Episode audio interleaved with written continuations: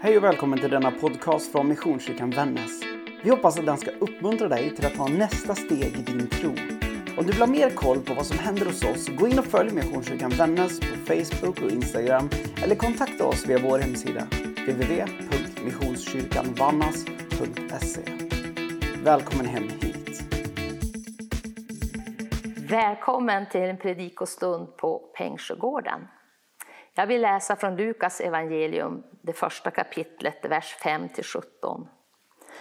På den tiden då Herodes var kung i Judeen fanns det i Avias avdelning en präst som hette Sakarias. Hans hustru härstammade från Aron och hette Elisabet. De var båda rättfärdiga inför Gud och levde oförvitligt efter alla Herrens bud och föreskrifter. De var barnlösa eftersom Elisabet var ofruktsam och båda var till åren. En gång när turen hade kommit till hans avdelning och han fullgjorde sin prästtjänst inför Gud var det han som efter den sedvanliga lottningen bland prästerna skulle gå in i Herrens tempel och tända rökelseoffret. Allt folket stod utanför och bad medan offret pågick. Då visade sig Herrens ängel för honom till höger om rökelsealtaret och Sakarias blev förskräckt vid denna syn och fruktan föll över honom. Men ängeln sa till honom, var inte rädd. Sakarias, din bön har blivit hörd.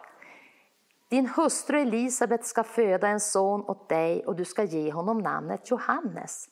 Han ska bli din glädje och fröjd och många kommer att glädja sig över hans födelse. Ty han ska bli stor inför Herren. Vin och starka drycker ska han aldrig dricka. Han ska uppfyllas av helig ande redan i moderlivet. Och han ska få många i Israel att vända tillbaka till Herren, deras Gud. Och han ska gå före honom med Elias ande och kraft för att vända fädernas hjärtan till deras barn och ge det ohörsamma ett rättfärdigt sinne så att Herren får ett folk som är berett. Jesus, gör ditt ord levande för oss. Amen.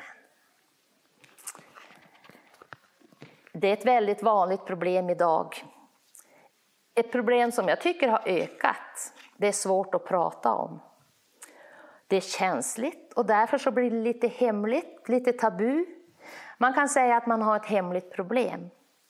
Och det är problemet att inte kunna bli förälder. Barnlöshet. I Bibeln finns det några exempel på barnlöshet. Vi har Abraham och Sara, Jakob och Rakel, Hanna och Elkana. Och nu så har jag läst texten om, om Elisabet och Sakarias. De här fyra föräldraparen de fick ju barn till slut eh, genom gudomligt ingripande, mirakelbebisar. Men hur många har inte lidit och bett och längtat förgäves. Det har knäckt många relationer och äktenskap att inte kunna få barn. Förr i tiden så var ju barnen en form av pensionsförsäkring. De skulle ta hand om föräldrarna när de blev gamla och i många länder är det ju faktiskt så fortfarande. Men varifrån kommer den här starka längtan efter barn? Och sen kan man undra, är det en rättighet? Ska alla kunna få barn? Ja, svåra frågor. Men för Gud är det så. Han som bäst kan förstå det här att längta efter barn, för det gör han ju hela tiden. Gud blir aldrig nöjd, han vill hela tiden ha fler barn. För han har ju skapat oss. Och han vill ingenting hellre än att få dela våra liv, få ta hand om oss, krama om oss och sköta oss. Men barnlösheten, den pratar vi inte så mycket om. För ungefär 30 år sedan så var jag på en konferens och konferens det är väl verkligen sommar. Sommar, det är sol och bad och det är glass och det är barn och friluftsgudstjänster och konferenser. Och på den här konferensen så var det två saker som jag inte glömmer och som handlar om just det här längtan efter barn. Det ena var när mötesledaren sa så här, ikväll så ska vi be för er som har svårt att få barn, särskilt ert andra barn. En kvinna rusade fram. Hon hade en vit klänning, vid klänning och hon var barfota och hon liksom skrek eller ylade och jag bara kunde ana den här längtan som fanns i henne, hennes stora bön att få barn. Det andra det var den norska pastorn som berättade hur han inför en konferens hade suttit på ett hotellrum och så hade han bett till Gud så här. Gud, låt mig få känna bara lite grann utav din nöd, din längtan efter att fler ska vilja bli dina barn. Och han började gråta. Och han grät och han grät. Han grät så att han tog sig inte till den konferens där han skulle vara med. Han blev kvar på hotellrummet i några dagar, helt utslagen därför att han hade fått känna en liten, liten gnutta utav den längtan och den nöd som Gud har. En längtan efter flera barn. Sakarias och Elisabet de blev ju föräldrar genom ett gudomligt ingripande. Och en ängel kom med hälsningen från Gud om att de skulle få en son, Johannes. Gud hade en uppgift, ett uppdrag åt Johannes. Och redan i mammas mage så blev han uppfylld av den helige ande. Och när Maria, som hade mirakelbebisen Jesus i magen, kom på besök, då sprattlade Johannes till i Elisabets mage när hon hörde Marias röst. Och hon fylldes av helig ande och hon ropade med hög röst. Välsignad är du mer än andra kvinnor och välsignat det barn du bär inom dig. Hur kan det hända att min herres mor kommer till mig? Den som har berättat om de här två olika mirakelbebisarna, det är läkaren Lukas. Det är ur hans evangelium det här är skrivet och hämtat.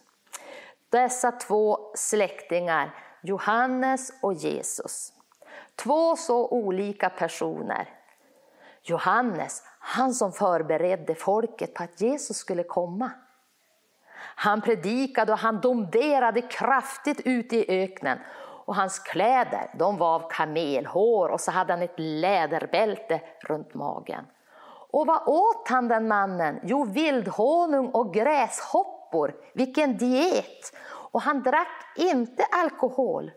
Men folk kom dit ut. De lyssnade på honom. De omvände sig till Gud och Johannes fick döpa dem.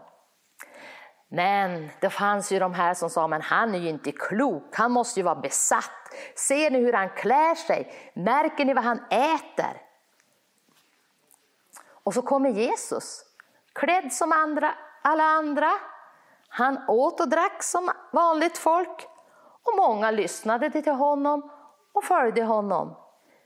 Men då säger de som inte ville tro, men se vilken frossare. Men se vilken vindrinkare. Och se vilken han umgås med, tullindrivare och syndare. Jag tänker att Gud han har gjort och han gör så mycket för att få flera barn. Och för att göra det möjligt att få bli hans barn. Men han möttes och han möts av många ursäkter. Många olika ursäkter. Antalet kristna ökar i vår värld. Tyvärr inte i Sverige, inte än. Och människor hittar ursäkter för att inte ta emot Jesus. Kanske att lidandet i världen är en sak, ens eget lidande och andras lidande. Men hur kan det finnas en Gud när det finns så mycket som är svårt och ont? Varför hör han inte mina böner? Och andra de tycker att jo, men Jesus han är okej. Okay. Men de som ska vara hans reklampelare oj, oj, oj. Ah. De finns det många fel på. Och det är kanske inte de fel som man hittade på Johannes, hur han klädde sig, hur han lät, vad han åt och drack. Utan kanske att det är sådana här saker, som att kristna inte är bättre än andra. Man skvallrar, man ger kärlekslösa omdömen. Man kan vara så hårda, man kan vara så feg, egoistisk. Ja, tyvärr så är det ju många gånger sant att det är så. Att kristna är vanliga människor med fel och brister. Men tänk, trots alla skavanker så vill Jesus få ta hand om oss. Vill Gud att vi ska vara hans barn. Och i dessa vanliga människor så kan han bära frukt genom sin ande. Vanliga, bristfälliga människor kan få betyda mycket med sina olika personligheter. När vi tar emot Jesus, då blir vi födda på nytt. Då blir vi Guds barn. Och Guds barn är många och är olika och lika mycket älskade. Hans förlåtelse, den är perfekt. Hans kärlek, den är perfekt. Hans liv, det är perfekt. Hans offer för oss när han tog straffet för det som blir fel och det tokiga i våra liv, det är perfekt. Och därför så kan vi få vara Guds barn för Jesus skull. Gud längtar efter oss. Han längtar efter dig. Gud blir aldrig nöjd. Han säger inte som mänskliga föräldrar, nej nu får det räcka. Ett barn får räcka, eller tre barn får räcka, eller sju barn får räcka.